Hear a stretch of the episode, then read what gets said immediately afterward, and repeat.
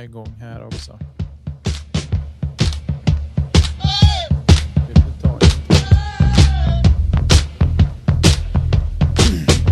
Nej, det är ingen rätt. Det är bara att köra när du kan.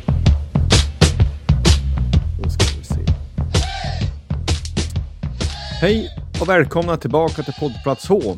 En podd om hockey i allmänhet och Björklöven i synnerhet. Vi sitter här, Niklas och Josef. Vad händer en kväll som den här? Ja, inte så mycket. Man har fått styra i sig middagen och nu får man väl spela en lite podd och köta lite hockey och så. Och sen får vi väl se vad kvällen erbjuder. Det är ju både fotboll ikväll som är intressant att se och sen är det även eh, ja, discgolf VM är ju igång för fullt så det finns ju det också att tuna in på om man vill det såklart. Just det. Nej, men det är ju eh, fotbollen kommer väl att snegla på också. Det är nog Premier League och grejer.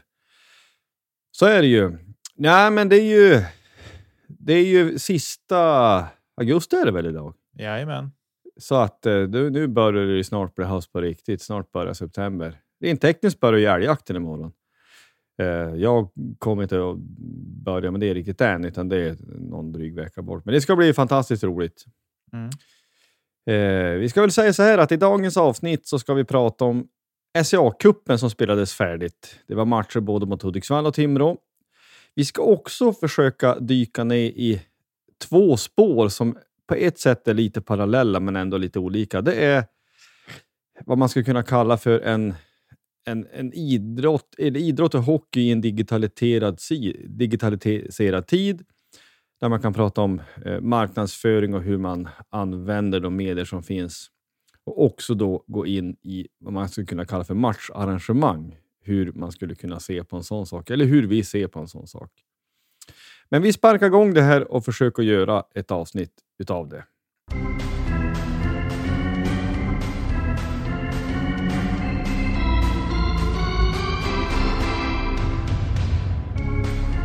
Ja, SCA-cupen Nicke. Det blev eh, först vinst mot Hudiksvall med 6-3 och sen torsk i finalen mot Timrå. Eh, en torsk med 2-3 eller 3-2 då. Men vad säger vi om Hudiksvallsmatchen? Vad, vad tyckte du om den, det du såg? Ja, det var väl en trög tillställning så, men man måste ju samtidigt hatten av till Hudiksvall tycker jag.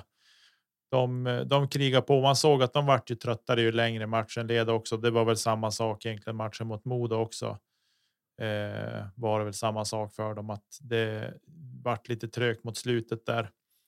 Så att, eh, men bortsett från det så så tycker jag väl att det var försäsong inramat i den matchen. Det är väl inget annat än, än så. Eh, man får glädja sig åt att Scott Pooley dunkar in fyra stycken. Det var väl sig en i tom bur, men, men ändå. Fyra baljor är fyra baljor. Ja, så är det ju. Eh, jag tyckte framförallt i början på matchen, det som vi Eh, hade inför då, att eh, jag hoppas att Björklöven kan spela ordentligt och göra saker rätt, även fast man möter ett på pappret sämre motstånd. Det blev ju som man eh, liksom hade någon oro inför att jag tycker att det var slarvigt, det gick långsamt och att man, man krånglade till det, man spelade inte enkelt. Eh, men som du säger, att ju längre matchen led så är ju vi i grunden ett mycket bättre hockeylag, så att det tog ut sin rätt.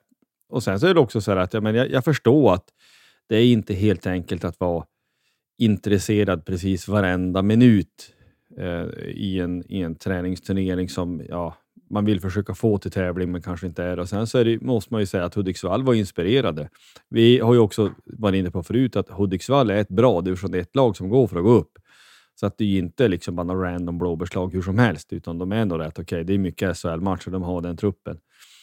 Men framförallt var ju de intresserade i början där och det var ju inte vi på samma sätt. Så det var, jag tyckte det var frustrerande någonstans att det här... Men de torde väl ha fått kanske någon liten näsbränna i någon paus där och sen så ordnar det ju till sig.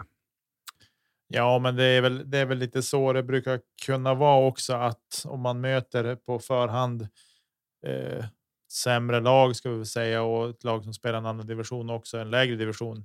Att det många gånger kan vara så att eh, det bättre laget i det här fallet Björklöven behöver skärpa till sig ett par snäpp och sen börjar man trampa igång ordentligt och åka lite mer skridskor och så. Då brukar det kunna lösa sig faktiskt.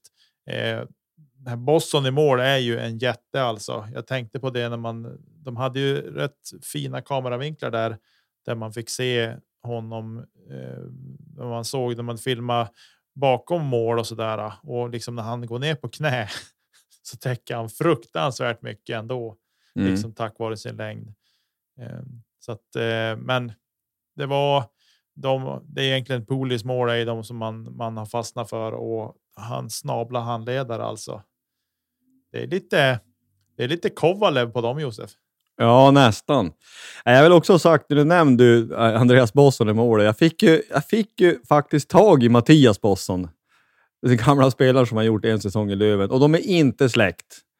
Så då får vi fört det till protokollet. Jag hade väl en aning att det skulle vara så. Men han, jag smsade bara lite med honom. Han skrev, men, eh, ja, jag vet inte vem det är, men han är säkert skitbra. Med det efternamnet tyckte han. Så att, eh, ja, man borde ju söka hjälp när man lägger jag la ganska mycket tid för att uh, försöka få tag jag, jag vill veta. Liksom. Men så är det. Men han är ju en, uh, en av ettans bästa målvakter, eller är ju fortfarande ung, men vi tog väl upp det tidigare då, att han är skolad och så. Mm. Alltså för mig får gärna Hudik gå upp. Nu är vi väldigt, väldigt tidigt, det är fortfarande augusti, men alltså att någon slags norr, norrländsk anknytning uh, mm. gör ju ingenting. Nej, mm. men det var, det var på något vis... Vi, vi vann matchen och det, som du, precis som du säger, att eh, fyra mål, ett öppen bur mot ett division 1-lag. Ja, men det är ändå fyra mål, ett öppen bur, oavsett motstånd. Och jag tycker just den där releasen, den här, det här snabba, snärtiga handledsskottet som... Eh, ja, men det är ju hårt. Det kanske inte är hårdast i världen, men det, det går snabbt och det är uppenbart tillräckligt välplacerat för att den ska gå in. Mm. Sen så var det väl också Bengtsson var väl i boxplay också. Alltså att man får ut av hans, eh, hans, snabb, ja, hans snabbhet. Och, ja. Jag har ju den åldern. Jag tycker gubbhörnet är ju bland de finare målen man gör. Mm. Och den satt fint, perfekt den där. Precis. Och eh, Hutchings gjorde också ett mål.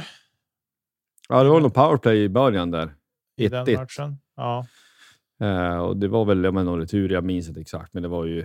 Ja, men de, de målen ska göras också. Mm.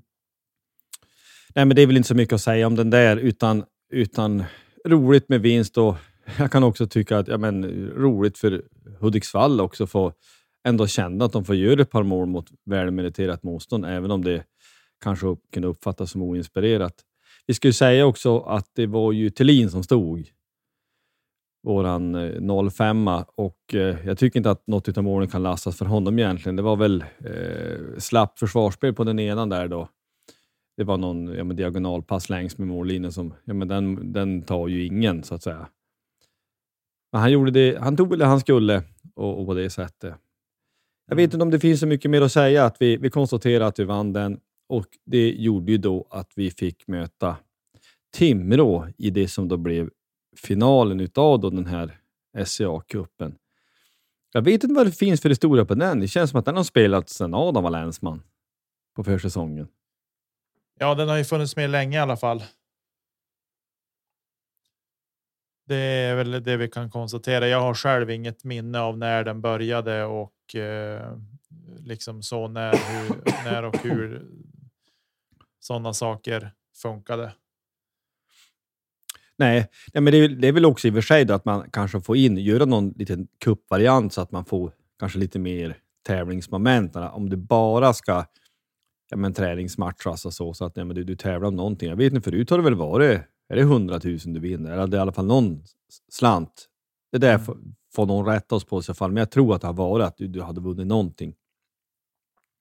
Så att på det sättet har känts, känts värt det. Nej, men matchen mot Timrå eh, det är ju förlust då med 3-2. Målskyttar där, det är Pool igen som gör ett. En riktig klassisk indianpass i egen zon och han snappar upp den där. Målvakten tar första, men han rakar en retur. Och så gör det också eh, Holmer Härjestam gör ett. Jag tycker det var ett riktigt fint hockeymål. Alltså, han styr in en. Var det Nörstebö va, som sköt? Eh, ja, det var det nog. Ja. Eh, nej, men det var ett fint mål. Jag tycker sådana jag, de där spelarna som har det där bollsinnet, för det är ju liksom ingen.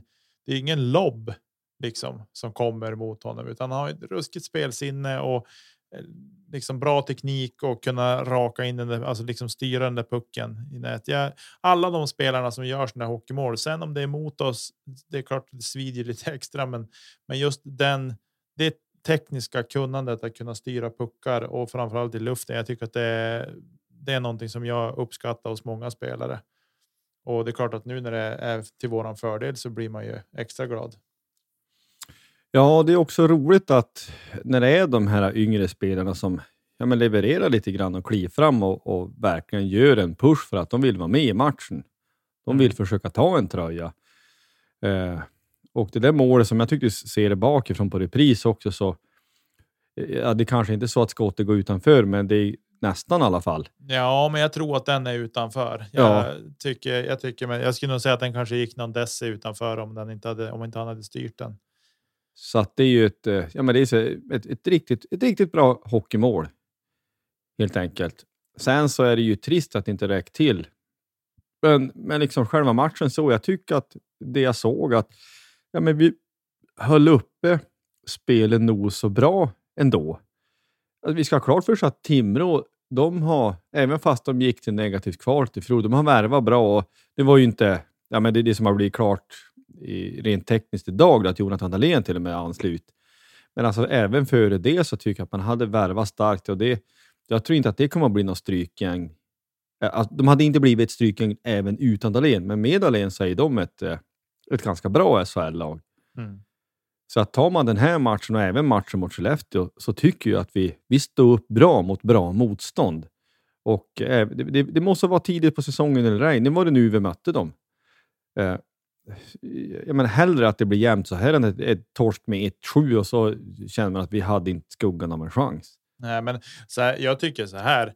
Eh, om man tittar på framförallt det ett mål som Timrå gör som har etsat sig fast i huvudet på mig. Att våran back vänder på sig och skridskon ligger vid pucken och han mer eller mindre styr ju fram den till Timrå-spelaren som bara får slå in en öppet mål. Eh, och sen det är alltid målen som räknas självklart, men jag tycker spelmässigt sett över hela matchen så tycker jag att vi gott och väl hade kunnat vinna med med ett eller två mål också. Men vi var lite ineffektiva fick inte in pucken helt enkelt. Ja, så var det. Var inte Jakob Andersson där som var lite klen i mm. försvarsspel? Jag tror att det var det. Eh, ja, men det, det, är sånt som händer, men det är klart att eh, rätt vänd och lite, då, då kan du vispa bort den där. Sen ja. så tycker jag också att är det deras första, va? Hartman som är det. Jag ser inte att det är absolut ingen tavla, men det är ju inte... Ja, men en bra dag så viftar han bort den där. Ja. Alltså det, det, är, det är ett mål som du kan ta. Så att... Eh, mm, ja, det, det är vad det är. Nej, men jag tycker ändå att, att eh, eh som du säger, med lite tur och lite mer skickligt och mera distinkt i avsluten och det här så kan vi vinna en sån här match. Men ja, det är ingenting som man behöver skämmas för.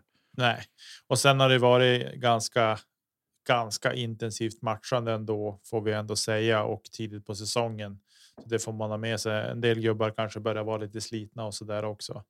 Så att nej, jag tycker att jag tycker att vi man kan se fram emot säsongen och vara positiv mot vad som komma skall ut efter det vi har sett nu då mot mot SHL-lagen primärt. Ja, och sen så måste ju tilläggas Fortier till exempel var ju inte med. Så Nej. vi ställde inte upp med 100 bästa laget. Vi kan väl ta den lite pucken då. Jag läste någon träningsrapport då i, idag onsdag där vi läste här att han är fortfarande borta. Så jag vet inte hur allvarligt det är. Det, ska han vara borta någon gång så är det väl kanske nu då, innan serien börjar, så han får läka. Jag hoppas att det inte är något allvarligt. Jag vet ingenting mer om det. Jag konstaterar bara att, att, han, inte, att han inte tränar idag. Men, men däremot så sägs ju Vaino eh, tränar väl mer eller mindre för fullt tror jag. Just det. Eh, och det bådar ju väldigt gott i så fall. Om man, tänk om man kunde få till ä, grötätningen och träningen med Stefan Neumann ordentligt så han du vet, man fick en full säsong av han då. Då blir det åka av. Ja, nej, det skulle vara kul om han fick vara hel över tid och liksom få komma in i matchandet och börja rulla igång ordentligt. För hans ja, men hans storlek, hans skridskoåkning framför allt och, och liksom hans eh, offensiva eh, kunskaper gör ju att man han vill vi ha hel. Eh, nästan snudd på lite mer än någon annan kan jag känna för att vi fick se alldeles för lite av honom i fjol. Ja, jag håller med och det man fick se tycker jag också visar på en, men det är liksom en topp två back i vårt lag, vilket innebär att det borde vara definitivt topp 10, kanske ännu bättre i hela serien. Mm. Så att han tillför ju någonting när, när han är frisk. Nej, men det, det båda gott. Eh, så det får man ta för vad det är. Nu är det ju också mitt inne i... Eh, jag utgår från också nu att efter de här matcherna, och det är ju någon vecka kvar tills nästa träningsmatch, att nu tränar man stenhårt mm. och tränar tungt. Och då är det bättre att är du lite skavanker, då vilar du. Så blir nog det där bra. Uh, vi kan väl också ta lite, lite från vänster också, att det, det dök upp något halvt rykte om en målvakt här i veckan, men uh, det finns väl inte så mycket mer att säga om det än att det var just ett, uh, ett rykte och eh, det är ju ingenting som är, är klart eller någonting. En högerplock som förhoppningsvis kanske kan... Ja, när det är klart så är det klart. Då får man ju googla upp han lite mera. Mm. Helt enkelt. Eller vad har du att säga om det? Något mer? Nej, ingenting mer. Jag såg bara att det var liksom bekräftat att Kent hade haft kontakt med hans agent. De hade inte pratat själva med varandra eh, och inget mer än så. Och det. Ja, vi får väl ta det för vad det är, att det är just ett rykte. Sen är det klart att många gånger har det ju varit så att när det har varit kontakt så har det varit gått ett tag så är det väl klart. Men eh, eh, som vi, ja, det är väl inga, han har väl inga siffror som liksom man eh, gör volter utav, men kan vara en oslipad diamant som kan eh, vara hur bra som helst också. Ja, Alex Dorio heter han, ska vi då tillägga. Han är född 99, så han är fortfarande ganska ung. Eh, men han gjorde ju, han hade, eh, han gjorde ju några AHL-matcher 2021 och då hade han 91,5 i räddningsprocent. Och det är ju inte cut tycker jag. Så jag tror att det kan vara liksom lite oslipad diamant. Han är fortfarande ung och sen, ja, men vi, vi känner ju inte heller till, vi har inte studerat liksom, uh, Wheeling Nailers matcher i någon större utsträckning. Så att, ja, men vad, vad spelar ni för lag? De kanske var kast då, i, mm. i, i, i, övrigt. Så att eh, man, man, får ta det för vad det är. Och Vi har sagt det så många gånger och det tåls ju väl att påpekas igen. Ja, men vi är där vi är näringskedjan. Vi värvar inte Carey Price, utan vi värvar ju det som vi kan värva. Mm. Carey Price, vilken målvakt förresten. Ja, jag vill bara få det sagt. Um, så det är det. Ja, men vi får se eh, uppenbart så, som vi var inne på förut, så vill ju Kent och Björklöven få in en till målvakt och det tror jag ju är helt riktigt. Eh, och förr eller senare så dyker ju upp någonting såklart. Mm. Uh, nej, men det, vi, vi kan uh, reflektera också, det vill jag också ha sagt, alltså att så otroligt mycket snyggare tröjor är utan reklam. Alltså i princip vilket lag som helst. Mm. Jag Man, håller med fullt enig och det har ju att göra med att en matchtröja full med reklam blir som ett potpurri av allt möjligt. Det är olika logotyper, olika färger och så som ska sedan matchas ihop på, på lagets färger. Jag håller med till fullo. Jag hade önskat att vi fick ha reklamfria tröjor, att det gick att ha det i eh, Hockeyallsvenskan. Jag tycker att Björklövens försäsongströjor som de har haft är ju riktigt snygga. De de hade i fjol tyckte jag var riktigt snygga också. Och utan reklam så är det är verkligen grädden på moset så att säga, tycker jag. Ja, jag håller med. Men det är ju det är väl Brynäs som, eh, eller det vet vi, det är, så är det. Brynäs har ju haft eh, tidigare ett par säsonger i alla fall. Det är väl Unicef, tror jag, som köpte hela rasket. Och så hade man bara en liten logga, så det vart ju i princip då reklamfritt. Otroligt mm. snygg. Mm. Eh, sen så låter inte det göras. Vi, vi förstår att det finns en ekonomisk verklighet bakom det. Men en annan sak också när vi liksom är inne på tröjor. Jag tycker att det var kul att se två lager, ta nu Timrå som ett exempel, eh, Timrå-matchen alltså, där det är två lag där ett lag inte nödvändigtvis är vit. Utan ja, men det är gul, grön och röd. Jag tror att det var vanligare förr. Nu är det ju i princip alltid så att bortastället, vilket lag det än är, är vitt nästan jämt. Det finns ju regler som styr över det. Eh, och det där fick ju Leksand fick ju, fick ju dispens för det där för ett par säsonger sedan. Att spela vit hemmatröja och blå borta tröja. Eh, eller om det var att han fick dispens för att spela vit hemma kanske det var och vit även borta då. Ja, alltså det där tycker jag borde vara fullständigt självklart. Nu har väl inte jag så mycket till över för Leksand, men alltså, ja, men det är ju deras tröj. Det är ju deras färger. Mm. Men jag tycker Jo, det, men det brukar vara så att hemmalaget, alltså som hemmalag spelar du med med mörkt och borta spelar du med ljust. Ja, Eh, men precis. Nej, men det jag menar att ja, men det, det är principen. Jag fattar, det ska synas och allting. Men det är fortfarande... eh, Ja, men på något sätt, ja, men Leksand, om de har spelat med vitt hemma i princip jämt sedan klubben började, om Mm. man nu ska ta det från, från bakom örat, så eh, det kan jag tycka att ja, men det ska förbundet lägga sig i. Ja, men det är det som gäller. Det får bortalaget anpassa sig. Ja, men då kan de köra med hemmatröjor borta i så fall, när de får dit. Och det är väl så Ja. de har löst det då kanske. Ja. Ja, det där det- är ju som en vedertagen regel som finns i flera olika idrotter att man spelar i i här i Sverige i alla fall vet jag att det är och i innebandyn vet jag att det är så att att man har. Ja, men, ja, men nu som Sävar som exempel röd tröja hemma, vit borta. Mm. Eh, och så, och så är det oftast med de andra lagen också att de som kommer hit, de har vitt. Och så då, om de inte har gult till exempel, då kan de ju spela med, med gult mot rött. Så, där, så det är lite olika hur det är, men jag vet att det finns regler som styr över de där sakerna i alla fall med vilken färg man har på matchtröja och så. Ja, i NHL är det ju, det var ju en ändring för, ja, hur många år sedan det vet jag inte, man tycker att det inte var så länge sedan, då är det väl förmodligen ett par år till än vad man minns. Men man bytte ju det där. Tidigare så var ju hemma vitt och man hade sin färg borta. Och jag tror att det kom sig av, för länge sedan, att traditionen var att du hade mörkare då tröjor eh, borta. Därför att då var du på turnéer på ett annat sätt. Du, ja, men du åkte kanske tåg eller något annat. Du flög inte och flaxade som du gjorde nu utanför ett, vi- utan han är 40 år sedan 50. Så hade du kanske inte samma möjlighet att tvätta och då kunde väl uppstå blodvite och då syntes det mindre på de här eh, liksom, mörkare tröjorna. Så jag tror att det var det. Det handlar liksom du kunde inte tvätta hur som helst och då eh, syntes det mindre. Så, eh, det finns väl de som har haft den åsikten och där det då... Uh, NHL-tröjor utan reklam är ju generellt snyggare. Men jag kan tänka mig att ja, men det blir...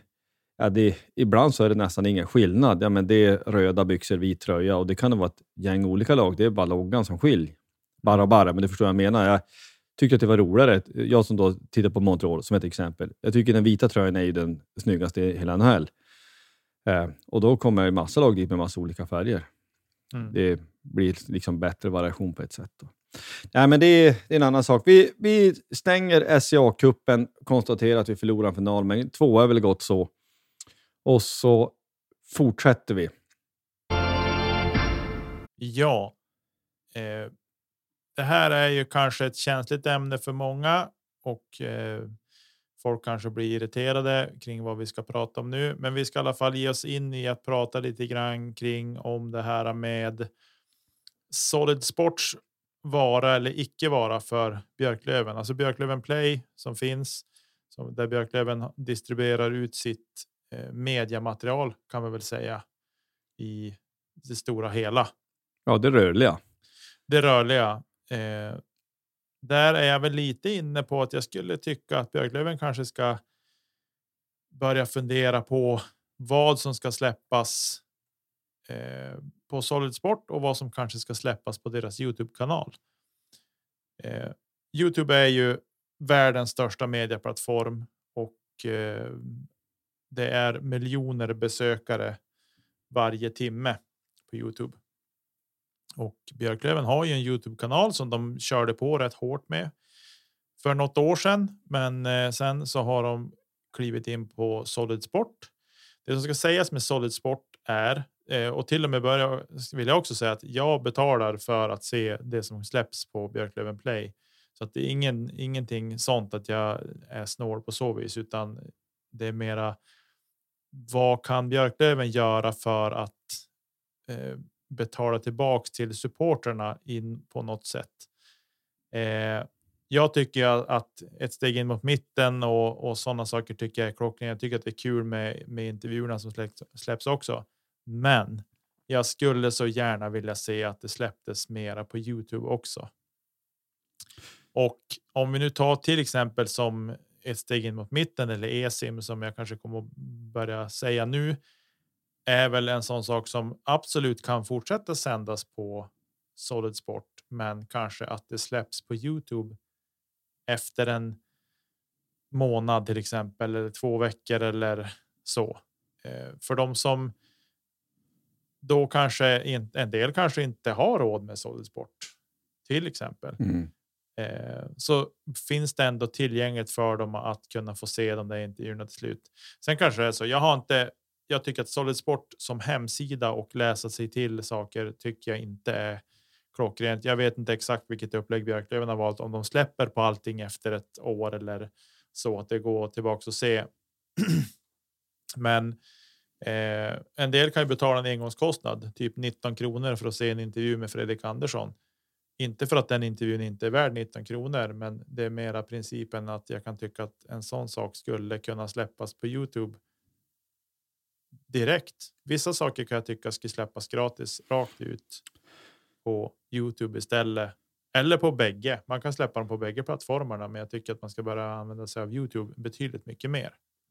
Ja, alltså eh, intressant att du, att du tar upp det. Alltså jag, vi fattar väl, eller jag fattar att man vill skapa ett liksom, mervärde för de trognaste alltså supporterna, alltså de som stöttar, Lövenbyggare och andra. Jag förstår det. Men det blir ju också då att när man begränsar materialet så är det ju färre som tittar givetvis.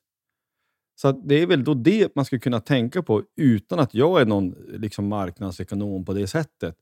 Att man kan tänka att ja, men, släpps det på Youtube så får man ju, kommer det bli fler visningar. Alltså det kan generera ett, ett, en ökad spridning och med det också ett ökat intresse. Så de måste man ju väga mot varandra, alltså exklusivt för de som är villiga att betala för det. Och det gör jag också. Eh, jag är eh, liksom Levenbyggare och hela det här. Så att det, eh, det, det, det, är mig tillgängligt och jag uppskattar det och jag tittar på allting som kom där. Men det är, jag håller med dig, den är inte användarvänlig och det finns ett visst krångel. Eh, nu eh, gör jag ju det ändå, men man kan ju fundera på om det inte ändå skulle kunna finnas någon slags eh, poäng i ökad spridning och med då kanske ett ökat intresse. Eh, för man, man, kan ju tänka så här, eh, om man nu ställer sig frågan, som då säkert någon som är mycket klokare än mig i alla fall, eller kanske oss, kan svara på. Men låt säga då, vad, vad genererar varje extra eh, åskådare för pengar per match? Alltså låt säga att sånt här släpps på Youtube, det är ökad spridning, det kanske ger ett ökat intresse. Ja, men om det i sin tur över tid, eller kanske nästa hemmamatch om du lägger ut någonting, ja, men om det genererar fem extra åskådare, så kan ju det vara värt ganska många hundra bara i biljetter. Sen så kanske den vill ha korv och halsduk och allt det där. Förstår du vad jag menar? Mm. Alltså, att du vill att det ska vara exklusivt för de som är trognast, det förstår jag. Men det måste ju också finnas en poäng i att vilja marknadsföra och expandera också så mycket som möjligt. För man får väl utgå från att det inte är en gratis plattform de har. Alltså Solid Sport funkar ju så att det är ju gratis för föreningar att använda sig utav. Eh, så på så vis är det bra. Du kan skapa ett konto själv. Du kan liksom så, men sen får man. Men då är det det att hälften av det står att hälften av pengarna går till laget och då undrar man vart tar den andra halvan vägen någonstans? Så är det gratis på så sätt. Jag säger inte att det ska vara gratis för att jag tycker att om man nyttjar en produkt som Solid Sport har till exempel, för de har du kan ju livesända matcher till exempel och du kan få med matchklocka och mm. alla sådana. Så på så vis är det ju. Är den ju fantastisk, men. Jag tycker inte att den är fantastisk som som användare och kanske inte som supporter heller till Björklöven i det här fallet. Eh, jag tycker jag är helt inne på att vissa saker ska vara exklusivt som inte ska släppas fritt någonsin. För jag tycker någonstans att det som är exklusivt och som folk faktiskt betalar för. Det kan vara stängt jämt, utan man, man får helt enkelt betala för det. Sen om om Solid Sport skulle gå upp höra och försvinna, ja, men då måste man släppa det på en annan plattform kan jag tycka. Om det inte har blivit för gammalt så att det, det är inte intressant längre. Men jag tycker att man borde fundera kring vad ska man släppa fritt och vad ska man ha eh, bakom betalvägg?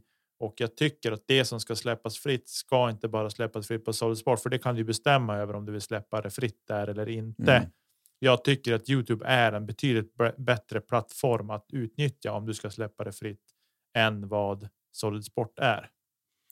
Ja, och det är väl liksom på något sätt, folk ser väl mer på Youtube än på TV. Ja. Definitivt beroende på ålder också, så att det är ju det, det, det är liksom, det, det är väl den, som du säger, den största och den vanligaste mediekanalen i världen. Mm. Och då finns det ju kanske ingen anledning att även då använda den. Och det, vi, vi vill ju inte heller lasta en massa merarbete om det ska vara så, men jag kan inte tänka mig att det är så otroligt mycket mer eh, arbete med att också lägga ut det där. Nej, men det, det är en intressant spaning och en intressant tanke hur man ska göra. Sen så finns väl också Eh, liksom mer att göra. Jag vet inte, har du bara liksom mellan tummen och Tittar du på, eh, eller, vad gör andra klubbar? Andra klubbar i Allsvenskan, andra klubbar i SHL? Nu följer jag ju inte något annat lag i i Hockeyallsvenskan ska jag säga, utan jag följer några lag i SHL och där har de ju. De släpper ju mycket via sociala medier också. Att ja, men efter träningen så styr de upp micken. Frölunda till exempel. Ja, men styr upp micken under näsan på Joel Lundqvist och liksom. Ja, men nu frågar hur läget är. Hur var senaste matchen? Hur ser det ut inför kommande match?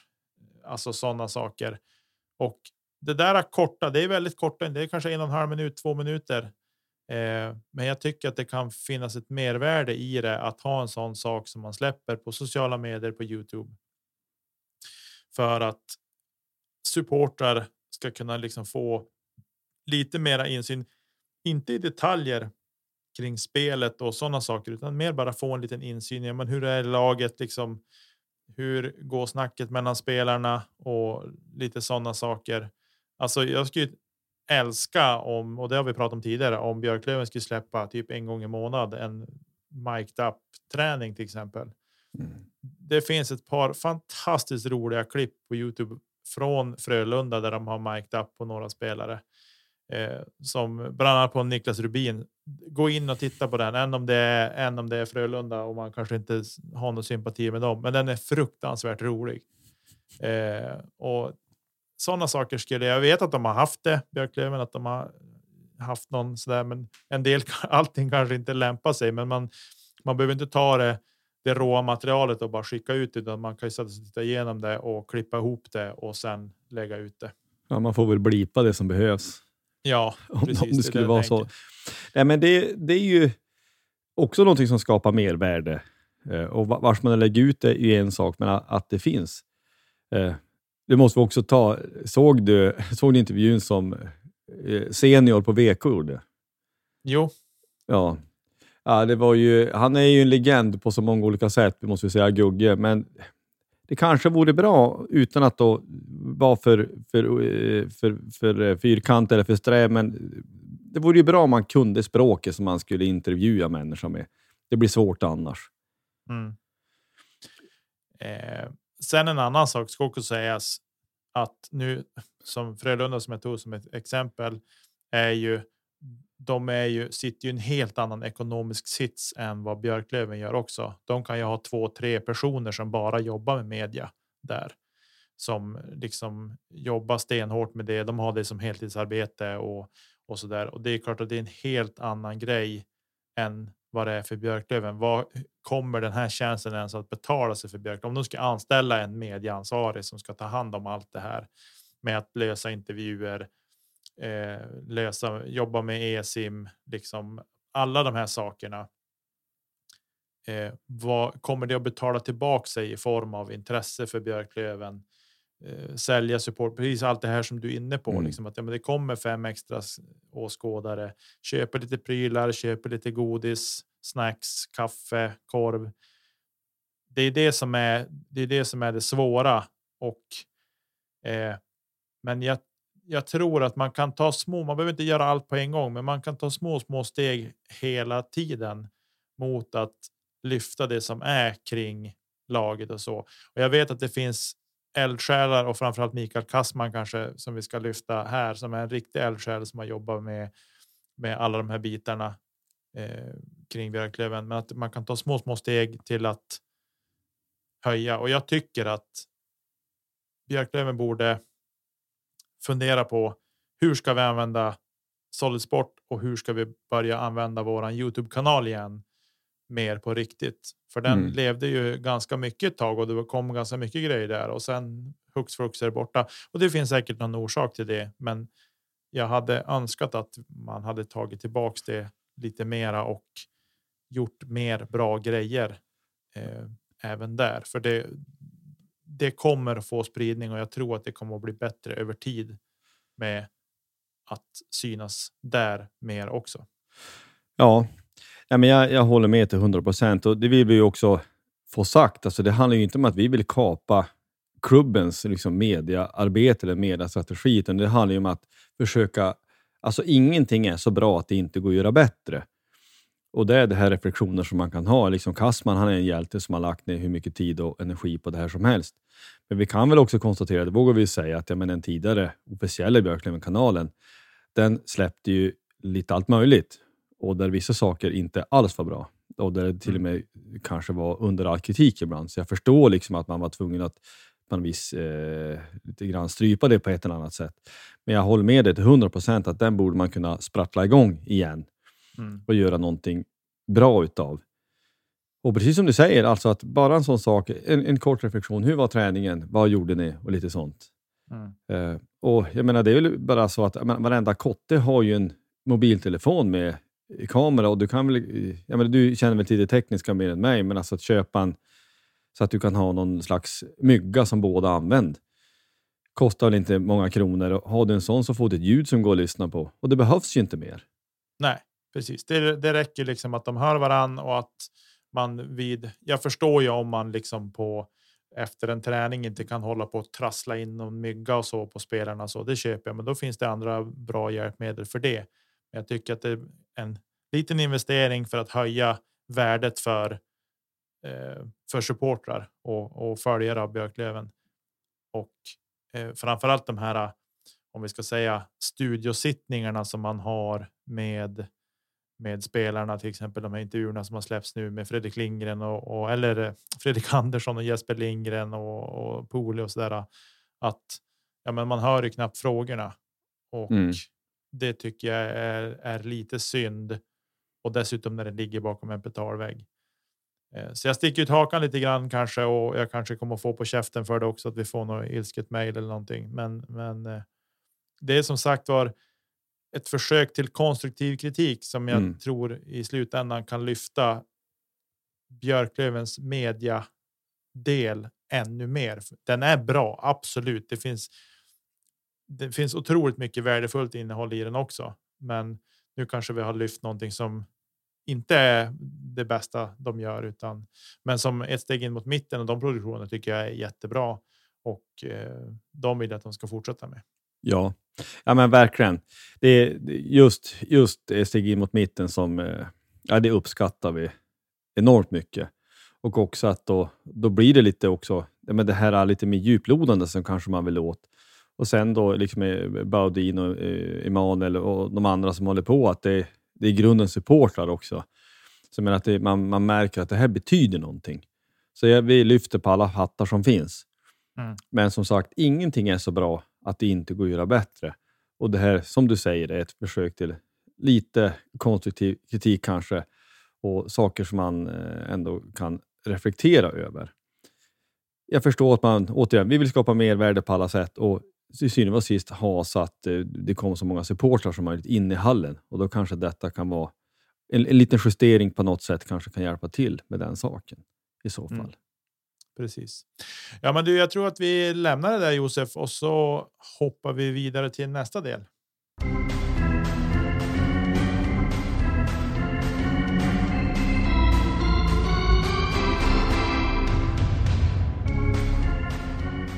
Ja, eh, vi är ju i grunden av den åsikten att hockeymatcher eller idrott överhuvudtaget, men i det här fallet Björklöven, vill man ju se live helst, om man kan.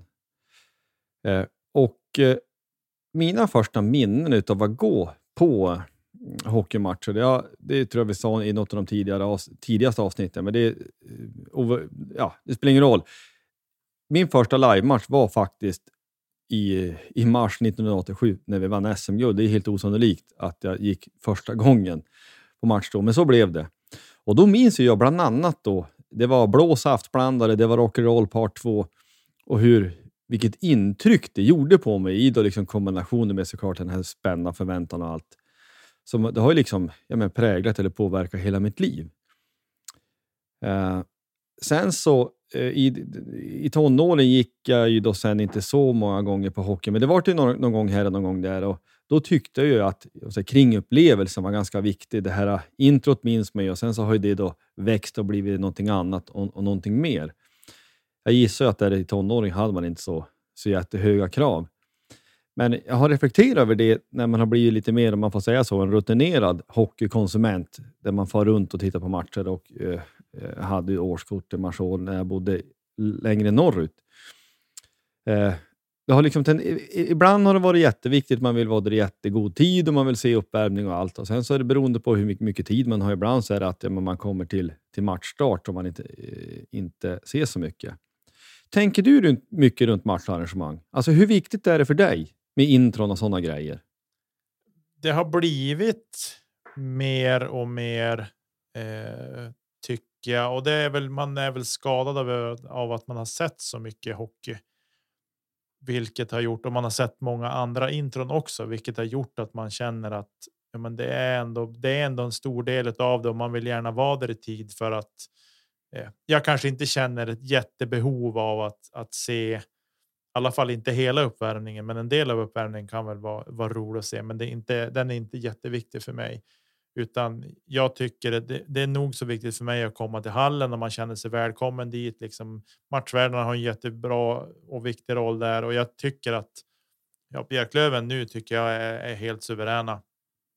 Eh, och jag tycker väl även att introt har, ja, det har blivit viktigare för mig än vad jag trodde att det skulle vara. Eh, av någon anledning. Och jag kan inte riktigt sätta fingret på varför, men jag tycker att introt är viktigt. Jag tycker att det är bra att ha ett. Bra intro. Det ska vara mm. bra. Det ska vara medryckande. Det ska vara stämningshöjande. Det, det har blivit mer och mer viktigt för mig. Så enkelt är det. Ja, men det är väl också så här att när när nu intron, ja men det är väl i hela hockeysverige fullständigt självklart att det är mer eller mindre nedsläckt hall och du har en intro på en, ett eller annat sätt och det kan vara rök och eld och allt vad det är och medryckande musik. När det nu är en sån integrerad och självklar del så borde det ju vara så att man kan göra det så bra som möjligt då i så fall. Mm. Eh, och här kan man ju reflektera att den här vägen, eller det här valet, sen vi då Ja, jag minns som sagt saftblandare, men jag utgår ifrån att ja, men det 90-talet blev det här riktigt vanligt. Och som sagt en självklar integrerad del. Eh, fotbollen har ju inte samma väg riktigt.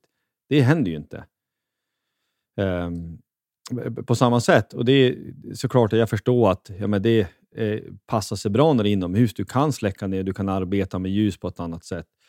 Sen är det väl också, en del skulle väl kanske lite föraktfullt kunna säga att det är en del av någon slags amerikanisering eh, utav, utav hockeyn och det, det, tål väl, värt, det tål väl att kritiseras.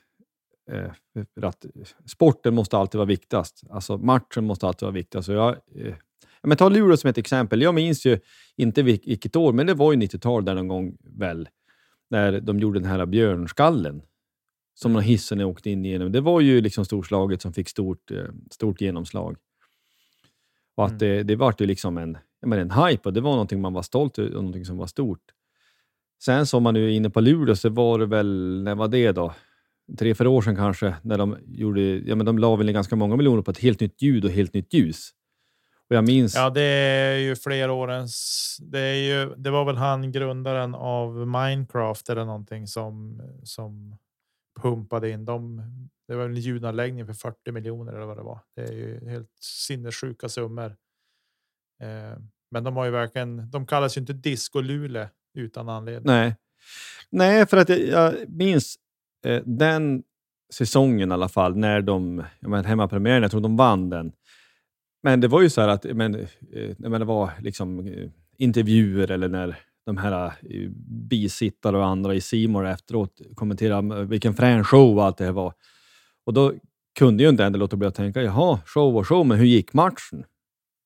Jag ville veta vad, vilka vann. Alltså vad, vad Mm. blev det för resultat? Och att det, jag förstår att det, är- det, det är inne i det här att man vill ha mervärde, att det blir en upplevelse att gå dit. Men jag tänker att sporten måste ju få vara viktigast. Och det skulle ingen Luleåbo tycka säga något annat heller, det fattar jag också. Men när det blir för mycket, om det blir så, så är det fara värt att man måste tänka att sporten måste alltid, alltid vara viktigast. Och tar man nu intro som ett exempel så tänker jag att men ett, ett dåligt intro, precis som ett bra intro kan peppa publik och peppa, ja, inte minst spelarna också, så kanske ett, ett, ett sämre intro kan verka i motsatt riktning. För Jag tänker också, att, men precis som vi som åskådare, alltså jag, jag tycker vi intro också är viktigt. Och att eh, jag kan väl också tänka mig att det måste väl vara peppande också när du, när du märker att eh, det är liksom det, om det nu är taktfast och rytmiskt och det, liksom det är peppande, så får man gå ut i en hall där alla jublar när du kommer ut. Det är klart att det måste skänka någon, någon eller några extra procent till, ehm, till peppen och till att man vill kanske ta igen nu lite mer. Precis som att det ska vara besvärligt att, för vilket motståndarlag som helst att komma till Umeå. Att här finns det inga enkla poäng att hämta. Det ska varenda motståndare veta direkt de kliver in på isen. Mm. Ja, nej, absolut. Jag, jag håller med. Och det här med, med att sporten ska komma i första rummet, det är ju någonting som ja, men det har vi diskuterat utanför podden också. Hur, hur vi, vad vi har för syn på det. Och jag tycker att jag fattar det här med att man, det ska vara en upplevelse att gå på hockey och det ska det absolut få vara. Men just i det här fallet som, ja, men som nu Luleå, liksom att ja, men de pratar om vilken show det var och hej och hit och dit. Liksom, det ligger så mycket på, på media eh, satsningen som är runt också.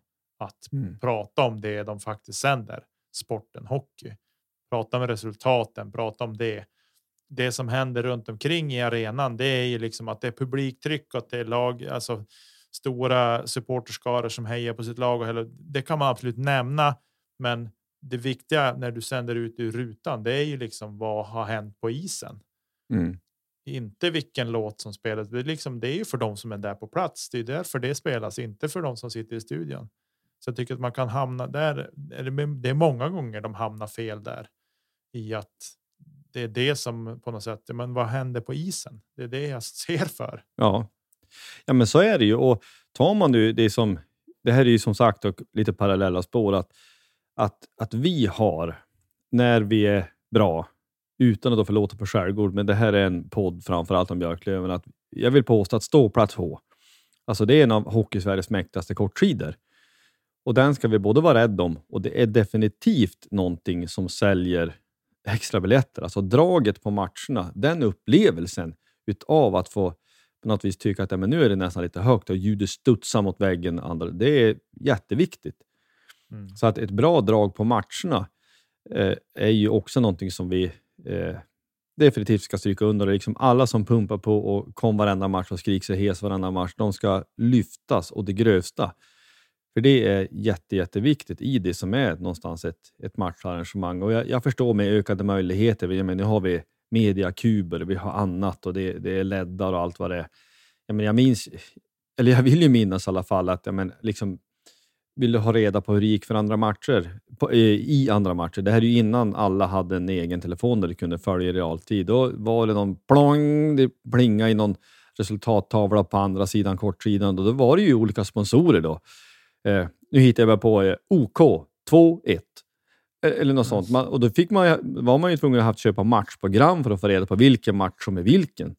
Och hade du då tur så kunde du se över axeln på någon eller någon snett bakom sa att ja, men det där är liksom Leksand-Djurgården. Eller någonting, Mm. vad det nu må vara.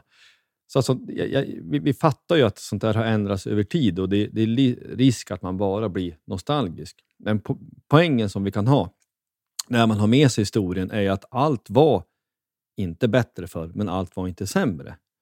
Som sagt, blir det eh, att showen för mycket tar över, då blir det ju inte bra. Men det, det är också viktigt att allt, menar, är du ja, men som sagt sponsorpartner, då vill du ha pang för pengen. Om du pumpar in mycket, mycket pengar i klubben, ja, men då vill du ha tillbaka någonting. Mm. Ja, men det reflekterar jag, menar, det, det kan ju vem som helst på gå in på Lövens hemsida, det är jättemycket liksom reklam och allt möjligt. Ja, men det är också det som gör att vi kan värva Scott Pooley. Det är det som gör att Mm. vi kan värva eh, Fortier och andra. Så det, det hör ihop med varandra. Så det kommer man ju inte ifrån. Ja, Eh, helt enkelt. Nej, men eh, jag hoppas och tror att det får bli en... Vi går en eh, intressant vinter till mötes även med sådana här saker. Jag vill ju också få det sagt. Jag vill verkligen... Om vi från podden, eller i alla fall jag från podden, får önska en introlåt. För det är viktigt med vilken låt det är. Jag är ju en gammal gubbtjuv som gillar metal. Jag är övertygad om att använder vi sången The Chosen Ones med bandet Dream Evil, då går vi upp. Du vet, en, en fullsatt hall, match 6 liksom, eller match 7 om vi har hemmaplan. Liksom, det där, att man, ja. Det kan samtliga eh, ta reda på hur den låten är. En riktigt fin. Och hyfs. men hur? Vem, vem är det som styr över det där tror vi? ing- Har du några känningar i? i jag vem som har, styr över jag har ingen introlåten? aning.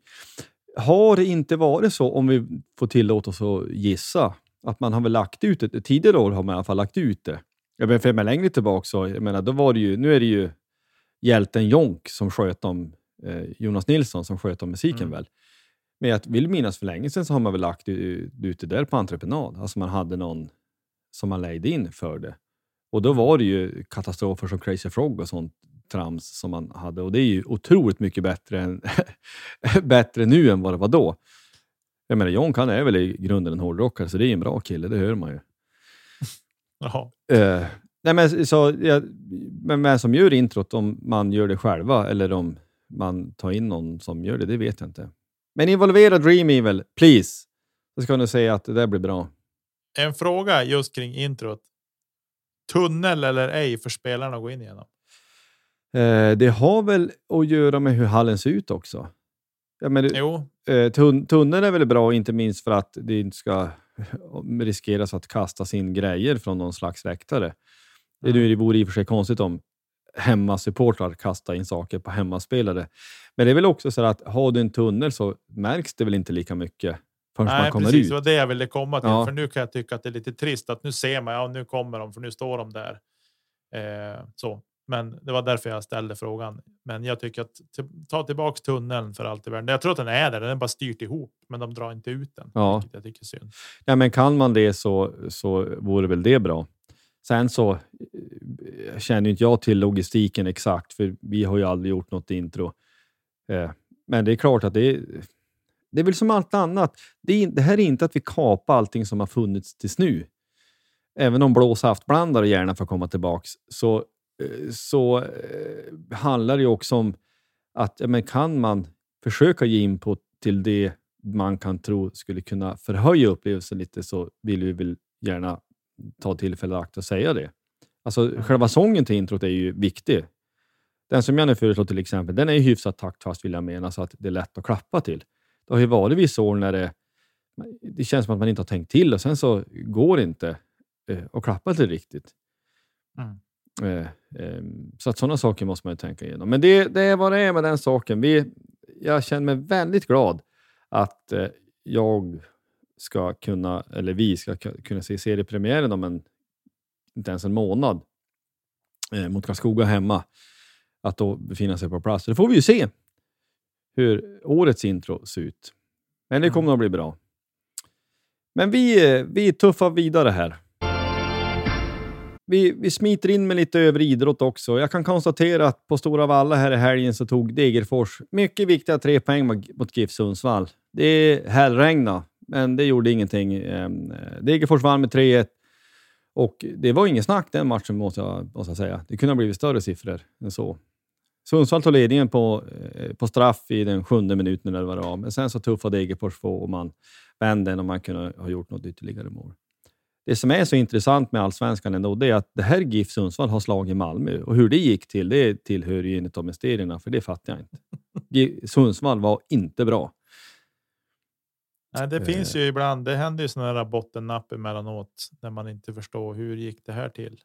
Men, Ja, ja det, det är superkonstigt. Och på tal om, eller på tal om, men om man tänker läktarkultur så var det Stockholms derby, vad var det? 45 000 på matchen eller något sånt på Friends. Mm. Det är mäktiga och gi- gigantiska tifon som man imponeras över. Men vi är väl också tvungna att, att konstatera att det vart stök efter matchen. Eh, och det var ju inne på arenan, så det är ju... äh, det, det, ser ju inte snyggt ut när det är, liksom, är HD-kameror, 48 olika vinklar, när det kastas bengaler och det är, folk ska slåss. Mm. Vi, och här vill, jag, vill vi också säga, eller jag vill i alla fall säga, att man måste kunna hålla flera tankar i huvudet samtidigt. Alltså att det är 45 000. Ja, men det är två gånger Kristinehamn som är där. Och det, det, ser illa ut och det är illa. Det är inget som något försvar. Man tar avstånd från att det ska bli, bli stök och bråk in i en arena. Men alltså att det är liksom en halv procent utav alla som är där, eller en procent eller vad det kan vara. Det är inte många i alla fall. Eh, det, det, är som så onödigt och förkastligt och dumt att det kan förta hela upplevelsen och sen så blir det krigsrubriker och folk söker klick på diverse olika press. Så det, det är värdelöst eh, på alla sätt och vis. Det var väldigt trist. Matchen slutade 2-2 kan jag säga. Mm. Eller ska, ska ju sägas då. Just det. Vi kan väl även säga att eh, Liverpool skåpade AFC Bournemouth med 9-0 hemma lördag. Så nu läste jag här att eh, Bournemouth tränare fick gå efter endast fyra matcher in på säsongen. Så det var. Det känns inte lite så här syditaliensk eh, management att hantera, hantera förluster på? Ja, nej, det var väl inte. Nu ska vi väl säga så här. Liverpool var gruvligt effektiva, men. Bournemouth var inte bra. Alltså, det var. På riktigt, riktigt dåligt. Så att. Ja. Men det var någon rekordseger tror jag det där, eller de tangerar något rekord tror jag. Med eh, en nio måls marginal så att säga. Så att eh, ja, kul, kul när man följer Liverpool. Alla fall, ja. Ja, vi måste väl, kan jag tycka, få in lite svensk koppling. De, eh, Liverpool då möter Newcastle ikväll och det pratas väl om att Alexander Isak ska spela. Mm. Det var, eh, det måste man ju säga, det är en brutal värvning. Alltså, med, med, det, är liksom, ja, det är så mycket pengar i fotbollen, det har vi pratat om tusen gånger, så det behöver vi inte dra igen. Men det är intressant och eh, han får gärna lyckas, kanske inte just ikväll, men eh, han får för min del gärna lyckas i övrigt, mm. måste ju sägas. Han, jag vet inte vad han gick för, var det 690 miljoner? ja, det var något sånt. Ja, ja det, det, det, var något sånt. Det var ju brutalt i alla fall. Ja, nej, men jag vill väl också kanske få till, och det faktiskt skulle man kunna knyta ihop till eh, NFL är ju det kanske den, eh, liksom den mest pengagenererande ligan i världen är alla idrotter. Men de har ju mycket sånt, så här mediamaterial och micka upp och prylar. Där så är training camp slut och eh, nästa helg så är ju då seriepremiären för alla lag. Och det är ju någonting, eh, kan ju sägas då att men du, du har liksom, vad är det, 90 man i, i training camp någonstans. Och den ska ju så småningom trimmas ner till 53. Mm. Alltså alla lag liksom eh, släpper nästan 50 spelare eller 40. Det innebär liksom att det är, det är hur mycket spelare som helst. Det är liksom 800-900 spelare som blir över. Mm. Och för många av dem så är det ju sista gången de spelar amerikansk fotboll överhuvudtaget. Mm. Eh, så det är ju det är hårda bandage. Sen så finns det alltid solskenshistorier av spelare som är odraftade som gör dem brutal och sen så går de hela vägen och tar en plats i sina lag. Men eh, det är, ja, NFL är ju fantastiskt roligt tycker jag. Eh, har du fastnat för amerikansk fotboll alls? Alltså, vi hade ett, en streak där ett par år när jag och några kompisar alltid sågs och såg Super Bowlen. Oavsett vilka lag det var så hypade vi upp det där lite grann i en typ en vecka inför och så och försökte läsa på lite grann kring lagen och hur de hade spelat. Men eh, i övrigt så, så jag skulle säkert kunna fastna för det, men det är just det här med att det, det, matcherna pågår över så lång tid. Eh, och nu är väl Super Bowl kanske är ju kanske extrem också på det sättet med halvtidsshower och grejer att den tar ytterligare mer tid. Men eh, nej, jag kan inte påstå att jag har fastnat för det. Det, har jag, det kan jag inte tycka att jag. Nej, nej men det kan det är jag är med eh, att det kan vara segt. Man behöver ju på något vis också få ett intresse och, och kanske också hålla på någon lag. För det blir svårt att kanske bara random följa lite. Mm. Det är ju någon sagt förut också. Jag gillar ju 49ers från San Francisco. Det är mitt lag. Jag minns inte hur många år sedan det var jag missade en match med dem, men det är länge sedan. Mm. Nej, men det är lite som med baseball också. Att jag tycker att vissa detaljer i baseball tycker jag är otroligt intressant, men det är ju dötråkigt att sitta och se en hel match. Det har jag inte tålamod till. Jag har gett ett par försök, men det går inte. Jag, då, jag tittar hellre på highlights på i efterhand. Så, så det kan jag göra emellanåt. Och det är likadant med, med amerikansk fotboll också. Kan jag också ibland titta på lite highlights om det har kommit någonting, något som det har skrivits om till och med så att jag själv har uppmärksammat det. Eh, men inte mer än så. Ja, nej, men det är väl som med mycket annat. Det är inte för alla. Det är ju så eh, kanske. Nej, men vi går väl in lite för landning. Eh, hur går det i discgolf-VM egentligen? Ja, det börjar ju bra. Vi har europeiskt i topp på damsidan. Kristin Tatar från Estland, fantastiskt duktig spelare och eh, jag hoppas hon håller ihop det och tar hem det, för hon har varit alla tävlingar hon har ställt upp i i år där hon inte har avbrutit på grund av skada. Så har hon stått på pallen. Och vi, vi har blivit lite så här. Vi som följer det har blivit så här. Eh, ja, jag och en kompis primärt har sagt det liksom när hon inte vinner, då är det som att hon gör en dålig tävling.